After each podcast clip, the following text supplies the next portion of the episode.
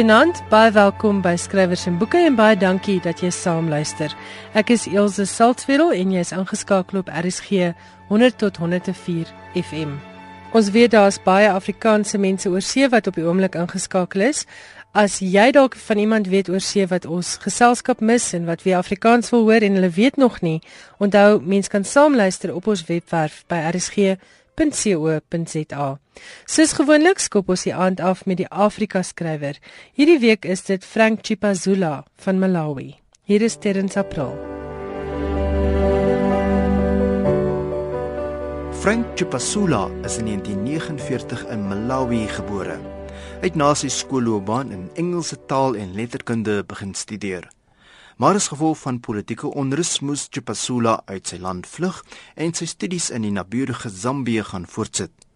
Hy het ook 'n beurs gekry om in die FSA om verder te bekwam en het veral kursusse in die skryfkuns en Afrika letterkunde gevolg, waaronder 'n doktorsgraad by Yates. Frank Chipasula het sy eerste digbundel in 1972 uitgegee. Sy tweede bundel O Earth Wait for Me van 1984 het die Noma toekenning vir Afrika letterkunde gewen. Nog later het Night Watcher, Night Song en Whispers in the Wings gevolg. Frank Chipasula het in 1989 die BBC se gedigteprys verower en gee op die oomblik klas aan die Universiteit van Suid-Illinois. Hier is 'n uittreksel uit Frank Chipasula se gedig A Song in the Spring. My son dances in the circle of his own light. See his feet blossom as he dances to a distant song. My son dances, steps over the sun. He has caught the sun in his palm. He rubs the sun with his fingers. His fingers bloom. His fingers are the sun that he caught, are the flower that he waves as he dances in the circle of his own light, of his own sun. Dit was 'n song in the spring van Frank Chipasula. Hierdie kort hulde blyk aan een van ons Afrika skrywers, is saamgestel met die hulp van Robin Malan se A to Z of African Writers en is uitgegee deur Shooter.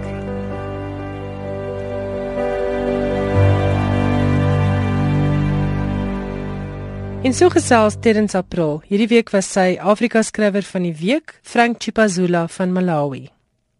Ek gesels vanaand met Irma Venter. Irma is by my in die ateljee en vir die wat nie weet nie, Irma het twee uitstekende who done it's geskryf. Daar's nie eintlik 'n beter manier om dit te beskryf nie. Die eerste een was Skoenlapper, so 2 jaar gelede, né, Irma? Hy het in 2012 uitgekom, ja, so dis omtrent 2 jaar. En dan is daar nou Skrapnel wat so in die laaste kwartaal van verlede jaar uitgekom het. En ek is 'n groot aanhanger van jou werk. Jy het iets nuuts na die Suid-Afrikaanse speurverhaal genre gebring. Kom ons praat 'n bietjie oor jou loopbaan. Jy is eintlik 'n joernalis. Dis reg ja, ek's baie lief vir my werk. Ek wou dit nog altyd doen. Ek dink vandat ek 15 was en die skoolkoerant gedoen het, is dit my groot begeerte gewees om 'n uh, joernalis te wees en vandat ek 17 was om 'n skrywer te wees. So ek is net verskriklik gelukkig. Maar jy is 'n sakejoernalis en dit is ja. nogal wêrelde verwyder van van wat jy hier doen. Was die sprong moeilik? Nie soseer sake nie. Ons doen ook sake en ons doen industrie en tegnologie en wetenskap. So ek het waar ek opgeëindig het by Creamer Media dat ek tog ek gaan vir 'n jaar lank werk, maar toe is dit net vir my so verskriklik interessant om al hierdie ehm um, navorsingsjournalistiek te doen en om te skryf oor hoe die finansiële markte werk. Dit het net dis 'n verskriklike uh, intellektuele tipe journalistiek wat jy jou kop baie moet gebruik en dit was vir my verskriklik stimulerend geweest. So dit was vir my baie lekker geweest en um, ek het daar gebly en ek is nou al ek dink 12 of 13 jaar besig daarmee.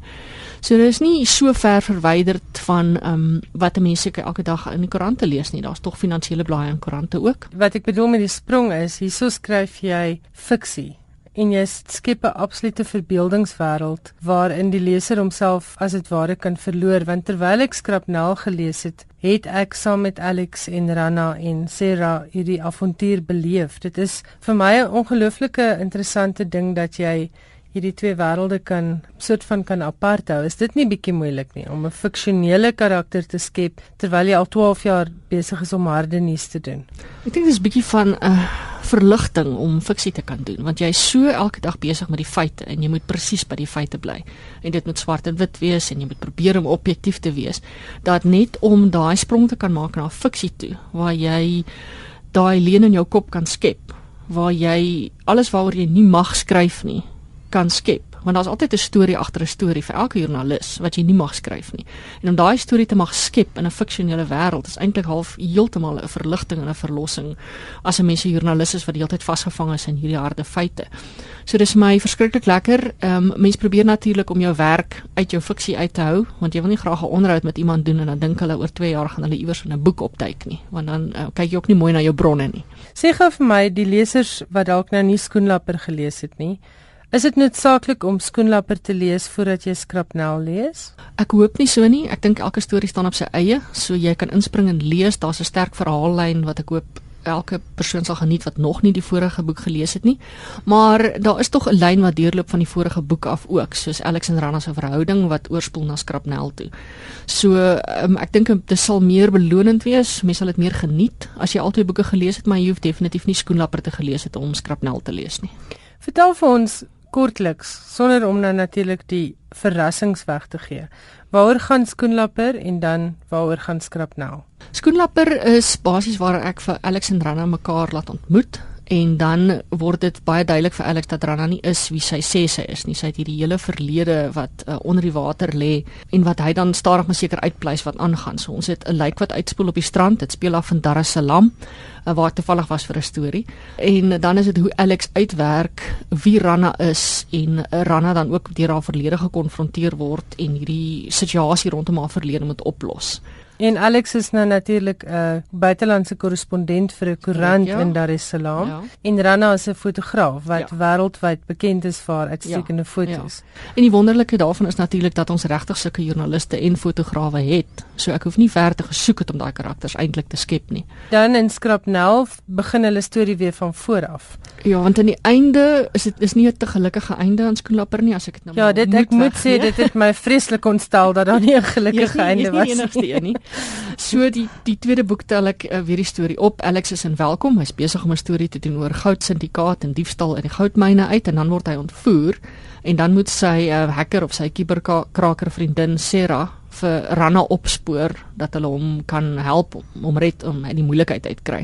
En meer as dit wil ek nie graag sê oor skrif. Wat al wat ek vir die luisteraars kan sê is die ontvoerder is toe nooit wie ons gedink het dit is nie. Jy slaag uitstekend daarin om die leser op 'n dwaalspoor te bring. Jy dink, "O, oh, ek het dit, ek het dit uitgefigure. Ek weet presies wat volgende gaan gebeur." En dan kom jy met 'n draai in die verhaal wat die leser glad nie verwag het nie. En daarmee moet ek jou gelukwens want ek dink dit is deel van die lekkerte van jou boeke is dat 'n mens soort van reg tot op die einde vasgenaal bly en wonder wie dit gedoen het En hoekom het hy dit gedoen of hoekom het sy dit gedoen? Ek dink nie jy kan 'n groter kompliment gee seker vir 'n spanningsverhaal skrywer as dit nie, want om die leser te verras is tog wat 'n mens graag wil regkry. Dis vir my verskriklik lekker om daai raaisel te bou en aan mekaar te sit en om die leser aan die raai te hou, so as ek dit kon regkry, is ek baie bly.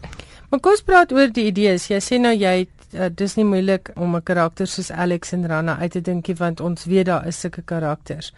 Maar waar kry jy die idee vir die plot? Want albei is nogal verwikkeld. Albei is soos jy sê laag op laag. Daar is die hele tyd sit jy basies by die plot. Jy sit die hele tyd iets by wat die raaisel verdiep. Waar het jy die idees vir die storielyne gekry? Um, ek begin as ek skryf met die karakters baie keer. So my die beginsel waarop ek werk is dat interessante mense doen interessante goed en het interessante lewens.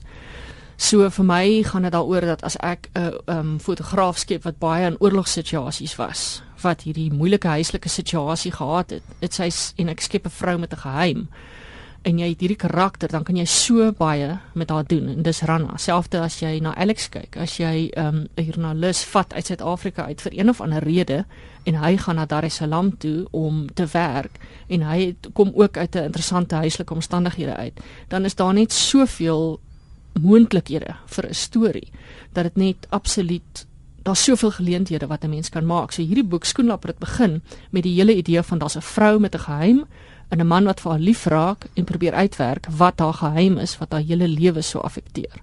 So toe moet ek net gaan sit en dink wat se geheim kan dit moontlik wees? Wat se geheim kan homself leen tot 'n goeie misdaadverhaal waarmee 'n leser kan identifiseer? So dis basies waar dit begin het. En dan terwille van die luisteraars en die voornemende lesers van Skoenlapper en Skrapnel, in Skrapnel kry jy 'n baie beter blik op Rana se geheim. In in in Skoenlapper word dit genoem, maar dit word nie eintlik verskriklik verken nie. En in Skrapnel neem jy dan nou daai hele episode uit haar verlede veel verder. Is daar 'n derde boek? Daar is 'n derde boek en ek hoop daar's nog meer as 'n derde boek, maar dis op hierdie stadium beplan ek 'n derde boek. Ons hoop hy kom so in September hierdie jaar uit. Sy voorlopige titel se naam is Sondebok en dit vat natuurlik ook hulle verhaal en 'n paar ander karakters wat ons ontmoet in Skrapnel, soos Adriana se verhaal verder. So ek het hierdie interessante karakters en ek wil graag nog meer verhale rondom hierdie karakters vertel. Ek hoor dit baie keer by skrywers dat hulle skep 'n boek met 'n hoofkarakter, maar dan hou hulle so baie van die nuwe karakter dat hulle besluit hy of sy verdien 'n storie. Was dit jou dryfkrag ook geweest? Wie jou dryfveer? Dit gebeur want um, ek het Adriana geskep half as 'n funksionele karakter om my te help om die storie te vertel. Ja, en sy speel nog 'n rol in die ontknoping van Skrapnel. Korrek, ja. En dan het ek net gevoel sy so half sy kom klop aan jou deur en jy weet jy word wakker in die nag en jy dink wat as mm. Adriana dit doen. En dus hoe dit dan word die derde boek so gebore uit hierdie karakter uit. So dan verander mense bietjie jou beplanning en uh, maak sterker staat op hierdie nuwe karakter wat jy dan vorentoe trek en meer 'n hoofkarakter maak in die volgende boek. So dit is vir my baie lekker om 'n nuwe karakter te vat en verder te ontwikkel want ek dink 'n mens kan ook nie die hele tyd vashak by jou een hoofkarakter nie want dit raak ook wat kan alles met een mens gebeur ek dink dit raak vervelig mm, vir die mm, leser. Mm. So dis interessanter om 'n nuwe karakter te skep, half jou ouer karakters dalk in die ronde te hou en te help en mense ken hulle, maar dan jy hierdie nuwe karakter wat jy bekend kan stel aan mense met haar eie geheime en haar eie dryfkragte. En 'n ander ding wat ek nou vir jou wil vra want uit jou boeke is dit baie duidelik dat jy reis. Waar was jy al oral? Nog te min plekke, maar ek wil verskriklik graag nog baie name by die lys sit, maar ek was al in Israel, ek het op 'n kibbutz gewerk daar, ek het in Londen gebly, soos baie van mense van my ouderdom. Ek het deur Europa gebackpack. Ek was in Skotland, ek was in Tansanië, Zambië, Zimbabwe, Brasilië, Indië. Uh, Indië. Maar niemand kan oor Indië skryf soos wat in Skrap nou gebeur as jy nog nie daar was nie.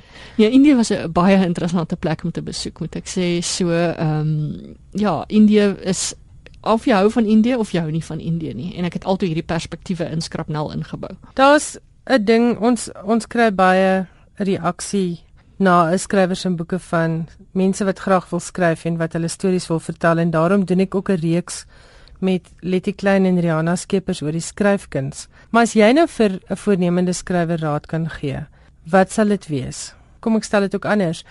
Dink jy nie 'n mens moet eers 'n bietjie geleef het en gelees het en geleer het en gereis het voordat jy kan skryf soos wat jy skryf nie? Ek dink definitief ja.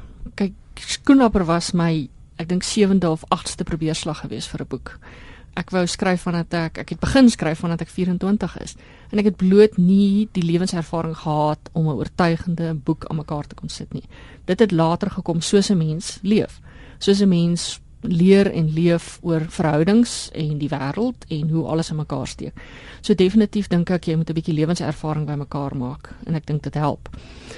Ook dan sal ek sê dat as 'n mens wil sit en skryf, dis my interessant, dis 'n bietjie soos uh om te wil die eet en om te wil ophou rook. Skryf is baie keer dieselfde ding. Dit help nie jy praat daaroor nie.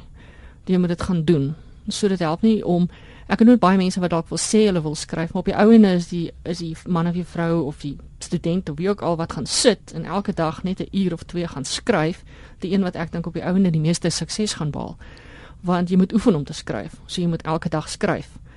Ek het op universiteit nee, ek was in matriek toe ek 'n week bygewoon het by die Universiteit van die Vrystaat en ek sal dit nooit vergeet nie. Auntie Krog het met ons kom praat en ek ons vir almal moes Auntie Krog gewees het toe ons 16 jaar ja, nee? oud was. Ons vir almal gedig uh, kaalvoet gedigte skryf en so aan en um, ek het na haar toe gegaan met my skryfseltjies. Maar sy het vir my 'n briefie teruggeskryf en gesê die beste raad wat sy kan gee is om elke dag van jou lewe 'n uur lank te skryf al skryf jy 'n brief, al skryf jy 'n dagboek, al skryf jy 'n verslag, jy moet net elke dag skryf. Want skryf is oefening en skryf. Dis ambag. Ja, dis 'n ambag wa waaraan jy moet werk. Mm. En ek dink dit is iets wat mense vergeet. Ek dink mense dink skryf is inspirasie en daar gat jy. Hulle besef mm. nie van die 99% inspanning wat saam met skryf gaan nie. Daai uh, Amerikaanse skrywer sê mos die ABC beginsel, apply bottom to chair. Ja. Dit, letterlik is dit wat my betref maar die beginsel en dan ja, sterk idee en 'n en 'n interessante karakters wat mense van sal hou. Dink ek is daar baie goeie begin. Lees jy baie in hierdie genre? Ek lees baie, ja, ehm um, maar nie terwyl ek skryf nie.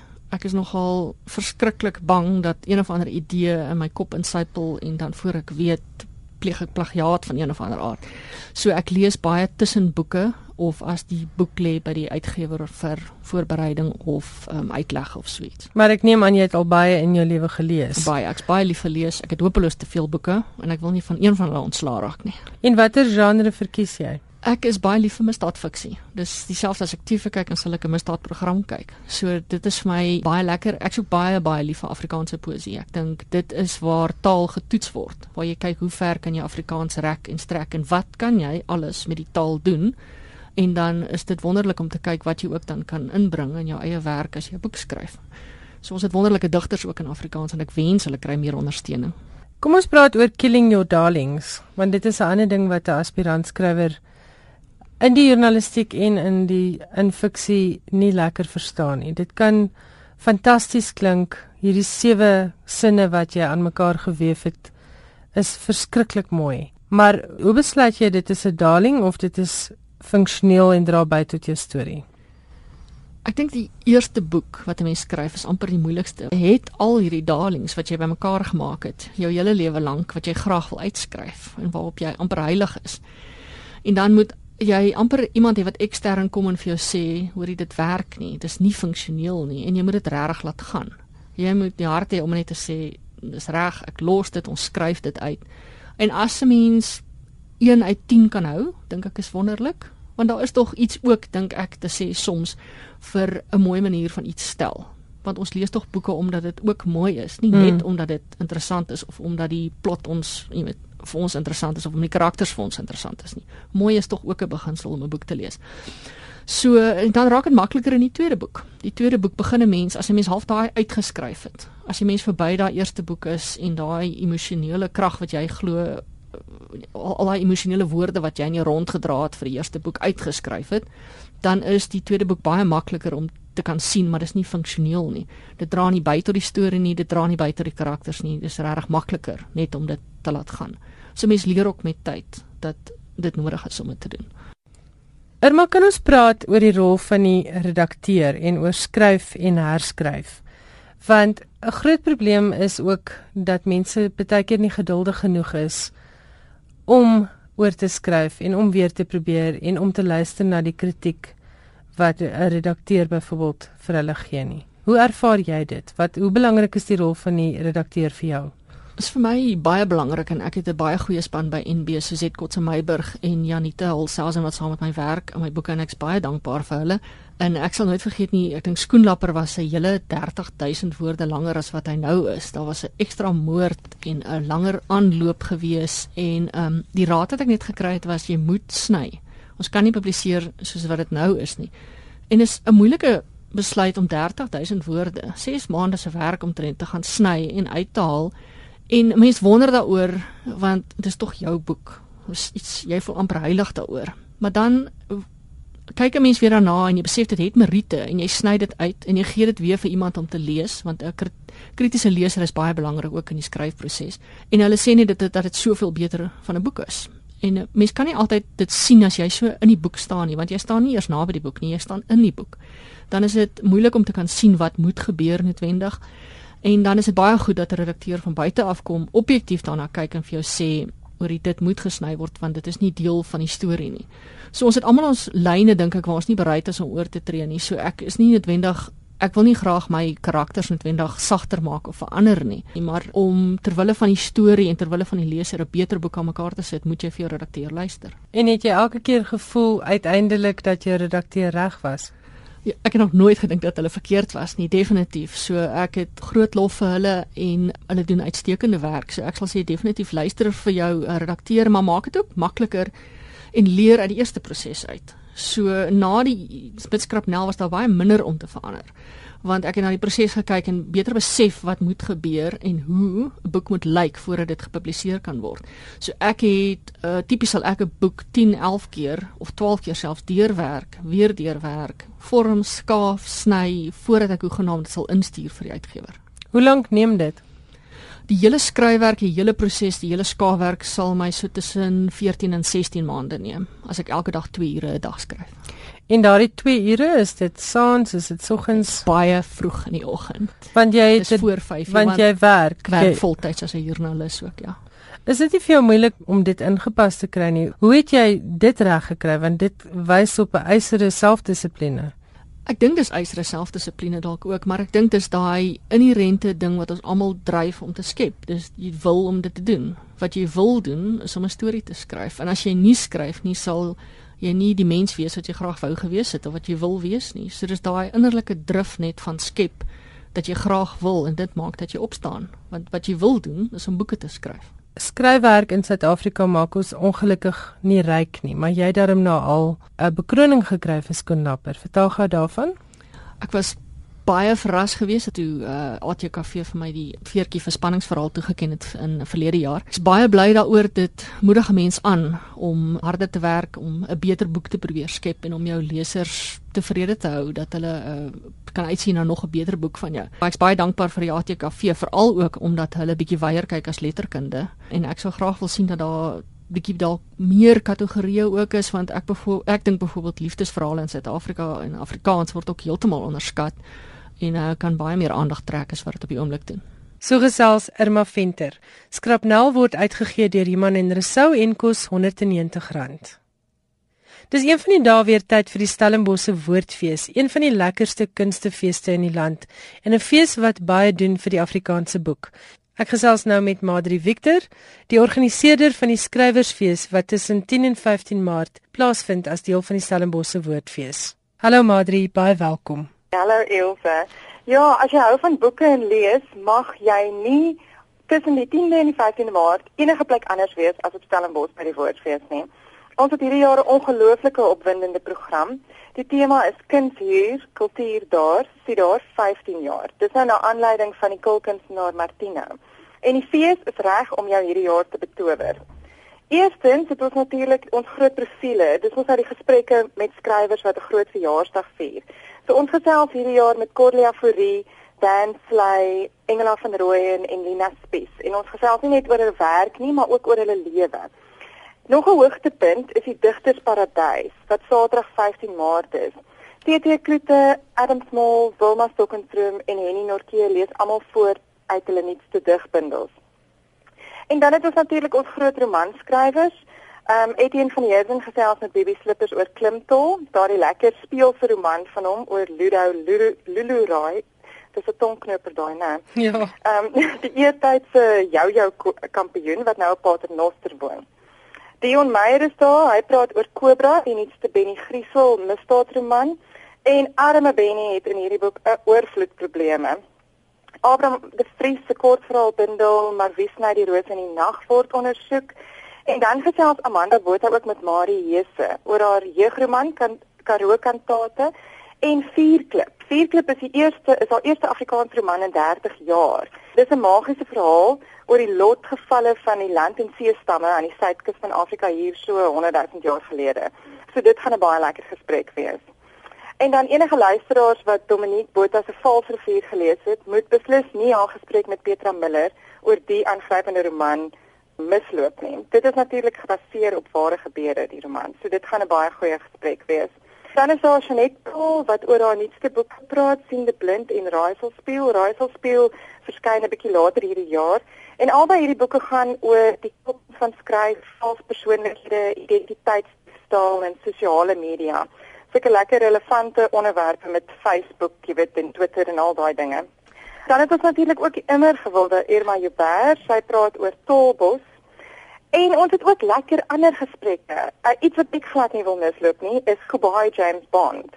As jy nou al ooit gewonder het wat van 'n mens se liggaam of wat met 'n mens se liggaam gebeur wanneer jy op 'n sianiet kapsule byt, of hoe lank dit duur voor jy sterf wanneer 'n haai jou byt, is hierdie gesprek vir jou.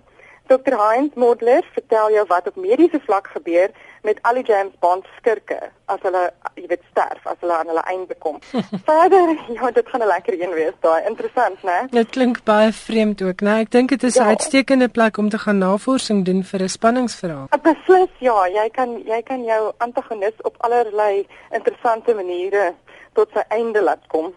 Dan is daar verder is daar ook gesprekke oor e-boeke en selfpublikasie. Dit is 'n groot tema deesdae, jy weet baie skrywers wil self publiseer en daar's hierdie hele ding oor e-boeke. Is dit is dit goed? Is dit sleg? Dit gaan uit die boekindustrie oorneem.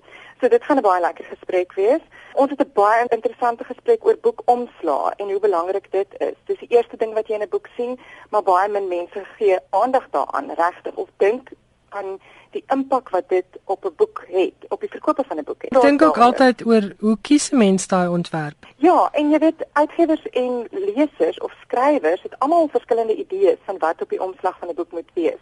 So ons praat 'n bietjie daaroor oor hoe uitgewers op die ouend 'n omslag kies en wat 'n goeie omslagontwerp is. En terwyl ek nou hieroor praat, daar's 'n baie lekker kompetisie wat die Woordfees saam met Litnet het oor boekomslae. Jy kan jou gunsteling boekomslag kies en vir dit net aanstuur met 'n kort motivering hoekom dit jou gunsteling omslag is en jy staan die kans om 'n boekpakkie van 15 boeke te wen en 'n kaartjie na hierdie gesprek toe. En dis 'n heerlike lekker kompetisie, baie maklik. Jy kies kies net jou gunsteling boekomslag van die afgelope 15 jaar. En dis 'n so, heerlike is, prys. Ja, dis 'n baie lekker prys. Ek wens ek kan inskryf daarvoor. Nee, jy het genoeg boeke, Madri. maar mens het nooit genoeg boeke nie, Ilse. Dis waar. So lesers en en luisteraars kan gerus gaan kyk op dit. Dit is regtig 'n baie lekker kompetisie. En die skakels is daar en dit is net Ja, okay, ja jy sal sien dit is sommer heel bo as jy dit net oopmaak, dit is baie prominent daar. Goed. Dan praat ons oor Asterix in Afrikaans wat lekker is. Ons praat oor goed soos wat jou gesig van jou verraai en wat met mense gebeur wat gemartel is en self martel. Dit sal 'n baie interessante gesprek ook wees. Dis nou natuurlik na aanleiding van Martie Maree se boek oor oor gesigs. Um, ja, Martie Maree se boek oor die gesig en Elaine Bing oor die martel. Ja. Okay. Ja, oor mense wat gemartel is en wat self martel. Sy is 'n sielkundige wat wat ehm um, daarin gespesialiseer het. Baie interessant. Ja, jy kan op die fees ook uitkyk vir Martie Preller met Babalela en Joan Hambidge, Amor Becker, Beneske, Janse van Rensburg, Steve Hofmeyer die lys gaan aan. Ons ons het 'n wonderlike program. Daar's regtig iets vir almal. En dan sal natuurlik ook al daai lekker middagetes waar skrywers praat. Skrywers soos Ingrid Winterbag, Wilna Adriaanse, Andre P Brink, Annelie Botha, Karen Breinhardt. Jy weet almal almal wat skryf is hier omtrent. Dit is die plek om te wees. As jy lus is vir lees of hou van lees, moet jy hier wees. Dit is 'n heerlike program. Waar kan mense meer inligting kry? Weet jy as jy nog nie die program gesien het nie, ek het gesien die Sari het het boekies ingehaat en jy weet oral is boekies beskikbaar, maar as jy nog nie 'n Woordfees boekie het nie, kan jy die program gaan aflaai of gaan kyk op die Woordfees se webblad. Dis net woordfees.co.za. En kaartjies kan natuurlik by Computicket bespreek word luisteraars kan dan begin bespreek dan dit begin nou vol loop. Jy weet, ehm um, daar's net 'n sekere aantal kaartjies vir elke optrede. So gesels Madri Victor, die organiseerder van die skrywersfees by die Stellenbosse Woordfees. Nou die kaartjies by hierdie gesprekke is almal lekker goedkoop. Ek het gaan kyk en dit is so tussen 40 en 50 rand per gesprek. En wat die Woordfees ook 'n baie lekker fees maak, is dat hierdie boekgesprekke byvoorbeeld is by venues wat 2 minute uitmekaar is. So dis nie een van daai feeste wat jy moet rondjaag van punt A na punt Z nie. Alles is baie lekker sentraal en bymekaar en RSG gaan ook daar wees by die Sasol Kunsmuseum by die Plataan Kafee reg langs die boektent. So ons hoop om julle by van hierdie gesprekke raak te loop. Maar bespreek maar eerder vroeër as later want kaartjies is min. Besprekings kan gedoen word by CompuTicket en soos Madri gesê het, die volledige program is op die Woordfees se webwerf by woordfees.co.za. As jy van jou wil laat hoor stuur gerus 'n SMS na 3343. Onthou net SMS se kos R1.50 en gratis SMS se geld nie. Jy kan ook 'n e-pos stuur na skrywers en boeke by rsg.co.za. My gas vanaand in die ateljee is weer Letty Klein, medeskrywer van die Afrikaanse skryfgids wat sy saam met Rihanna Skeepers geskryf het. Letty, baie welkom. Baie dankie. Goed, vanaand praat ons 'n bietjie oor spanning, die opbou van spanning en sulke dinge in 'n verhaal. Hoe werk dit? Dis baie belangrik om jou verhaal nie met 'n te groot bang te begin nie. Die ideaal is om jou verhaal sistematies op te bou na 'n soort hoogtepunt toe en dan weer 'n klein bietjie te laat afloop na die einde toe. So jy kan nie oombliklik alles weggee nie. As jy dit kan vergelyk met sê maar TV-programme byvoorbeeld, dan kan jy as ons weer die voorbeeld van 'n misdaadverhaal kan gebruik, kan ons byvoorbeeld sê goed, ons kan met 'n moord begin en dan is die verloop van die verhaal is dan hoe hierdie moord byvoorbeeld opgelos sal word. Maar jy sien nie reg aan die begin wie die moord gepleeg nie. Dit is die verskil. Presies. Jy gaan nie al die inligting op een slag gee nie want dan gaan jy nie 'n storie hê nie. Ek het eendag 'n baie interessante gesprek gehoor waar 'n tannetjie vir Dion Meyer by 'n geleentheid gevra het hoekom het hy so verskriklike dom speerder wat geweet het die typie is in die tas en hy kon mos eintlik op die lughawe net vir haar gevra het om die typie oor te gee. En Dion het haar net so aangekyk en vir gesê, "Maar waar sal die storie dan wees?" Hmm. So mense moenie te veel verklap nie. Ek dink as jy spanning wil hou, moet jy ook wegstuur van iets soos toeval af. Dis regtig vir my een van my groot probleme is hierdie toevallighede wat gebeur. Dit moet absoluut oortuigend binne in die verhaallyn wees. So jy gaan nie op vakansie en dan kom maar toevallig 'n massamoordenaar oor jou pad nie. Ja, jy gaan toevallig baie ongelukkig wees as dit gebeur. Absoluut. En ek dink die situasies moet ook oortuigend wees. Waarom in thriller films sal ons altyd terugstap na die huis toe waar ons weet die gevaar is. Jy moet ook simpatie vir jou karakters kan wek en dit kan ons nie kry as jou karakter regtig dom onnosel is nie. As jy weet daar is iemand in die huis, as jy weet daar is probleme, dan gaan jy weg daarvan af na hulp toe. Jy pluk nie vir jou 'n tak af en storm op die skir druk of op die situasie af. Met ander woorde wat jy sê, dit is ook logies. Tree op soos wat jy in 'n natuurlike menslike normale situasie sou optree. Absoluut, want wat jou karakters moet doen is is jou karakters moet vir jou lesers bykans mense word. Ja, want dis die lekkerste boeke. Absoluut en oortuigend wees en om dit oortuigend te kan maak moet hulle natuurlik optree. So moenie situasies vir jou karakter te eenvoudig maak nie. Sit hom of laat hom in moeilike situasies beland. Daar is geen storie aan 'n karakter wat te maklik uit moeilike situasies kan kom nie en daar is toeval weer baie belangrik. Die kans dat daar op die korrekte tyd of in 'n oomblik van nood 'n polisiemotor verby gaan ry is ook waarskynlik bitter bitter skraal dink om spanning te kan opbou is dit ook belangrik om te bepaal wat 'n soort fokaliseerder het jy. As ons praat van 'n fokaliseerder, dan praat ons van die perspektief waaruit dit vertel word. Vertel jy die verhaal uit die perspektief van die moordenaar? Vertel jy die verhaal uit die perspektief van die meisie wat vir die moordenaar vlug? Vertel jy die verhaal uit die perspektief van die kerel wie se meisie dit is waar agter daar 'n uh, skurk aan is? En wat is die reëls wanneer jy hierdie verskillende fokalisators of vertellers gebruik? Onthou as jy 'n ek-verteller het, dan beteken dit dit is een karakter wat tog net weet wat in sy interne wêreld aangaan. Hy, hy kan, kan dan byvoorbeeld nie sê Sunny dink of hy kan geen van daai goed doen nie want hy kan net uit sy eie perspektief uitpraat en onthou dit beteken nie dat hy geweldige insig in homself het nie. So daar is ook baie beperkings daar. As jy byvoorbeeld 'n alomverteenwoordigende vertelling het, dan het jy iemand wat amper soos 'n soort videokamera agter die karakter loop en kan vertel wat dit is wat hierdie persoon sien, voel, hoor, maar ook nie net jou hoofkarakter nie. Dit het ook natuurlik insig in ander karakters. Soos 'n Big Brother. Absoluut soos 'n Big Brother. So dis baie belangrik ook om te kyk uit watter perspektief jy dit vertel. Een van die goed wat gesoute liefdesverhaalskrywers byvoorbeeld sal sê is dat dit baie moeilik is vir mans om byvoorbeeld liefdesverhale te skryf omdat dit baie moeilik is vir mans om vroulike karakters of oortuigende vroulike karakters te kan skryf met al die gepaardgaande emosie byvoorbeeld party sal sê dat dit moeilik is vir vrouens om oortuigende manskarakters um, te vertolk, maar ek dink dit is baie belangrik dat jou karakter regtig oortuigend moet optree en daar moet ons bietjie kyk ook na gendergrense. Is dit werklik hoe mans in so 'n situasie sal optree? Is dit werklik hoe 'n vrou in so 'n situasie sal optree? Wat is die sielkundige onderbou van hierdie ehm um, van hierdie karakter? Waarom reageer hulle op die manier waarop hulle reageer? En hoe pas jy jou vertelperspektief aan sodat die leser noodwendig genoegsame inligting het het, maar nie te veel nie, want jy wil hê die verhaal moet vorentoe gedryf word. Ja, hy moet nie nou dadelik die oplossing hê nie. Ja.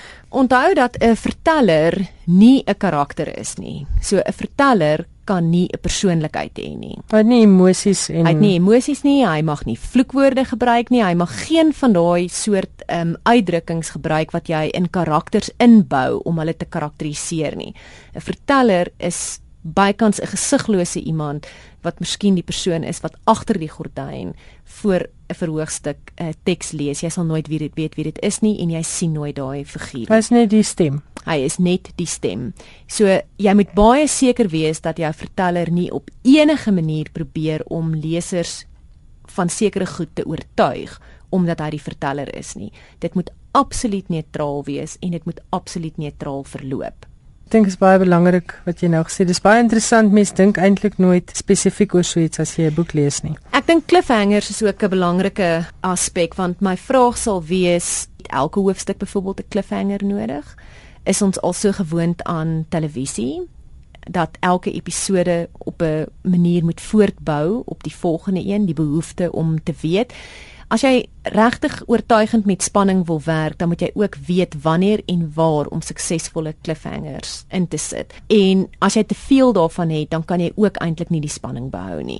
So jy moet baie spaarsamig en suiwig daarmee omgaan. Weet jy waar kom die term cliffhanger vandaan? Dis iets wat ons al so algemeen gebruik, maar mense dink eintlik nie twee keer oor die gebruik daarvan nie. Ja, dis nou vermoedelik seker daar waar die kar oor die afgrond ry en jy nie seker is of die ou dood is en of hy magically vlerke gegroei het en gaan terugvlieg nie. Absoluut, een van die reekse waarop ek absoluut versot is is die Deense reeks The Killing van Bridalson met die speurder Lund in en dit is 'n reeks wat absoluut vervolmaak het hoe cliffhangers gebruik word. En hoewel ek en Jan gewoonlik sê ons kyk net 2 episode op 'n aand kan ek jou oortuig dat dit nooit gebeur nie omdat jy net so groot behoefte het om te weet maar jy elke keer net weer in die struik trap. ja, en ek dink dit is hoekom 'n cliffhanger werk, né? Goed, tyd en gebeure. Hoe hoe bepaal ek waar ek skryf? Wanneer ons oor tyd praat, is daar twee verskillende aspekte waaroor ons moet praat. Die een is die era waarin dit afspeel. En dit is gewoonlik as jy kyk na 'n historiese roman byvoorbeeld, is daar baie spesifieke goed wat jy in in gedagte moet hou. En een ding is dat Piet Retief ongelukkig nie Vindingaan kon bel met 'n selfoon nie. So jy moet baie seker wees presies hoe lank sal dit iemand vat wat te perd reis byvoorbeeld eh, oor 'n sekere afstand. Wat 'n soort motors was daar gewees? Wat 'n soort klere het hierdie mense gedra? Wat se huise het hulle ingebly? Dit is baie belangrik om iets te verstaan van die era waarin dit afspeel ook die plek waar dit afspeel. Jy kan nie oor New York City skryf as jy nie ten minste foto's daarvan gesien het, regtig 'n gevoel daarvoor het of ten minste 'n sekere hoeveelheid navorsing of opleeswerk daaroor gedoen het nie. Die ander kwessie rondom tyd is om seker te maak dat dit wat die karakter doen pas binne in wat vir een mens moontlik is om binne in 'n dag te doen. Met mm. ander woorde, jy kan nie nou net in jou volksietjie spring en dan binne 5 minute is jy op die lughawe nie. Ongelukkig soos vir mense, dieselfde vir karakters, vat dit 'n sekere tyd om van een punt tot by 'n ander punt te kom. Jy hoef nie al die goed op te skryf nie. Met ander woorde, as jou karakter 'n vertrek verlaat, byvoorbeeld, is dit nie nodig om te sê sy maak die deur oop, sy stap uit, sy maak die deur toe nie, maar jy moet seker maak dat die tydsverloop in jou verhaal 'n soort natuurlike verloop het wat ook oortuigend is. Veral vir gebeure is dit baie belangrik dat goed moet vorentoe beweeg. Die verhaal moet na 'n punt toe kom. Die verhaal moet eintlik opwerk na 'n soort klimaks toe. Ehm um, en van daar af net 'n klein bietjie afwerk na 'n slot toe. So dis amper 'n soort grafiek wat jy vir jouself kan teken wat so sê maar 4 mm. 45 grade opgaan en dan weer tot by 'n punt en dan 'n klein stukkie weer afgaan. En om hierdie verhaal te laat gebeur, moet daar ook goed met die karakters gebeur en dit moet weer nagevolge hê of gevolge hê sodat dit weer tot ander situasies aanleiding kan gee, sodat die verhaal dan 'n bepaalde verloop het totdat dit by 'n kruks uitkom. Ek dink een van die baie slegte goed wat jy kan doen ook met terugverwysend na spanning byvoorbeeld is om jou om twee karakters of kom ons gebruik 'n voorbeeld om twee karakters teenoor mekaar op te stel en dan aan die einde van die hoofstuk voor te gee, hulle gaan in 'n reuse vuisgeveg byvoorbeeld betrokke raak, die verhaal of die hoofstuk afsluit en 'n nuwe hoofstuk begin waar die geveg verby is. Hmm, jy kan hmm. ook nie vir jou leser onder valse voorwendsel sit oor wat gaan gebeur en dan nie eintlik vir hom sê wie het die beste hou geplant en wie was die wenner wat daar uitgestap het nie. Tempo. Hoe bepaal ek tempo? Want daar is tog sekere boeke wat 'n mens soort van 'n stadige, rustige gevoel kry en ander wat teen 'n frenetiese pas voortstoom. Absoluut. Ek dink dit hou ook verband met wat dit is wat jy besig is om te skryf. In baie gevalle is daar baie beskrywings en dit is 'n baie stadige uh, verloop of dalk 'n stadige aanloop. In sekere verhale is daar geweldig baie aksie en dit het eenvoudig net 'n baie vinniger verloop. Ek dink wat belangrik is is dat dit konsekwent moet wees. Verhale kan nie ekstra vinnig op sekere tye beweeg en ekstra stadig op ander tye nie. Met ander woorde, dit moet 'n natuurlike soort tempo of verloop hê wat dit steeds vir die leser aantreklik maak om te lees. Wat baie keer gebeur as ons sê dat mens nie konsekwent werk nie, beteken dit dat jy baie aandag en tyd aan sekere goed gee en baie min aandag aan tyd aan iets anders byvoorbeeld. So jy moet seker maak dat jy 'n soort balans het en dat hierdie gebeure en hierdie karakterbeskrywings en die beskrywings van omgewings en so mekaar kan uitbalanseer. Kom ons praat oor N2. Want N2 is 'n hoërskool opstel tipe van gebruik. Maar jy kan tog nie so skryf in 'n boek nie. Jy kan nie en ek dink daar kom ons miskien by 'n belangrike punt uit wat dalk een van die mees uitdagendste goed van skryfwerk is en dit is showing versus telling of wys teenoor vertel. Wat jy wil hê is om 'n eenvoudige voorbeeld te gebruik is jy wil 'n karakter jy wil 'n verhaal hê wat deur karakters en deur gebeure vir jou wys wat die aard van hierdie karakter is, wat die aard van die situasie is. Om net te vertel is 'n bietjie soos om iemand deur iemand se fotoalbum te kyk en te luister hoe die verhaal verloop het. So kom ons gebruik 'n eenvoudige voorbeeld en ons sê ons het 'n karakter wat by die huis kom. Hy skop oombliklik die hekkie oop en stap in die paadjie af, vloek miskien op die hond, skree dalk op die bure se kinders as ons dit beskryf, dan sê dit tog vir ons iets van hierdie karakter. Mm. Dit sê tog vir ons iets dit, van sy gemoedstoestand. Wat moeiliker is of minder oortuigend is, is wanneer jy 'n verteller het wat net vir jou probeer sê dat hierdie 'n baie beneekte individu is of iemand wat 'n baie moeilike dag gehad het. So dis belangrik om te wys eerder as om te vertel. En daarbey dink ek sluit en toe ook aan want dit gaan nie net oor hoe die verhaal verloop nie. Dit gaan nie net oor of dit 'n kronologiese vertelling is en toe gebeur dit en toe gebeur dit en toe gebeur dit nie. Baie keer breek ons ook die tydlyn op baie keer het ons dalk terugflitsse, nie te veel nie. Ons het miskien flitsse in die toekoms.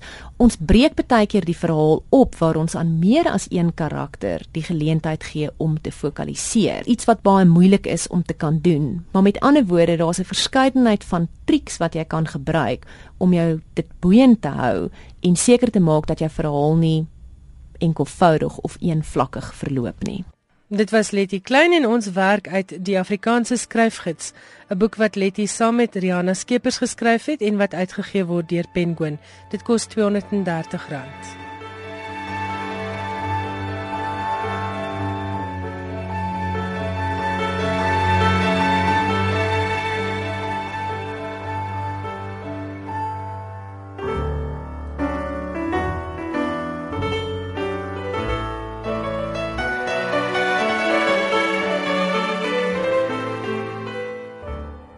Dis dan eers alwaarvoor ons vanaand tyd het, maar vergun my net so 'n paar woorde oor die program self.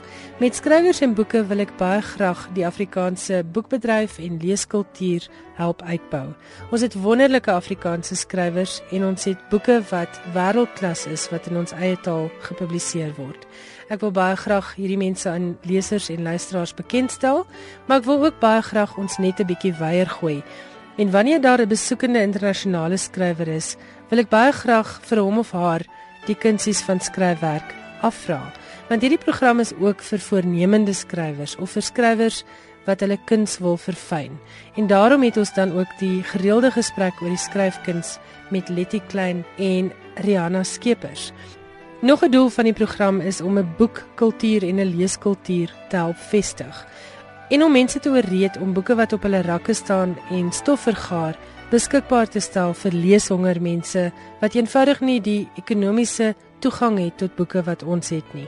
So as jy 'n rak vol boeke het wat stof vergaar, asseblief skenk dit aan jou naaste biblioteek of gemeenskapsprojek wat lees bevorder. Ek gaan deur die loop van die jaar hopelik van 'n hele klompie sulke projekte kan vertel sodat ons kan help om Suid-Afrika weer 'n lesende nasie te kry. Dis dan al vir vanaand. SMS my by 3343 elke SMS kos R1.50 of stuur 'n e-pos na skrywers en boeke by rsg.co.za. En dan wens ek jou 'n week vol heerlike boeke en fantastiese stories toe. Lekker slaap.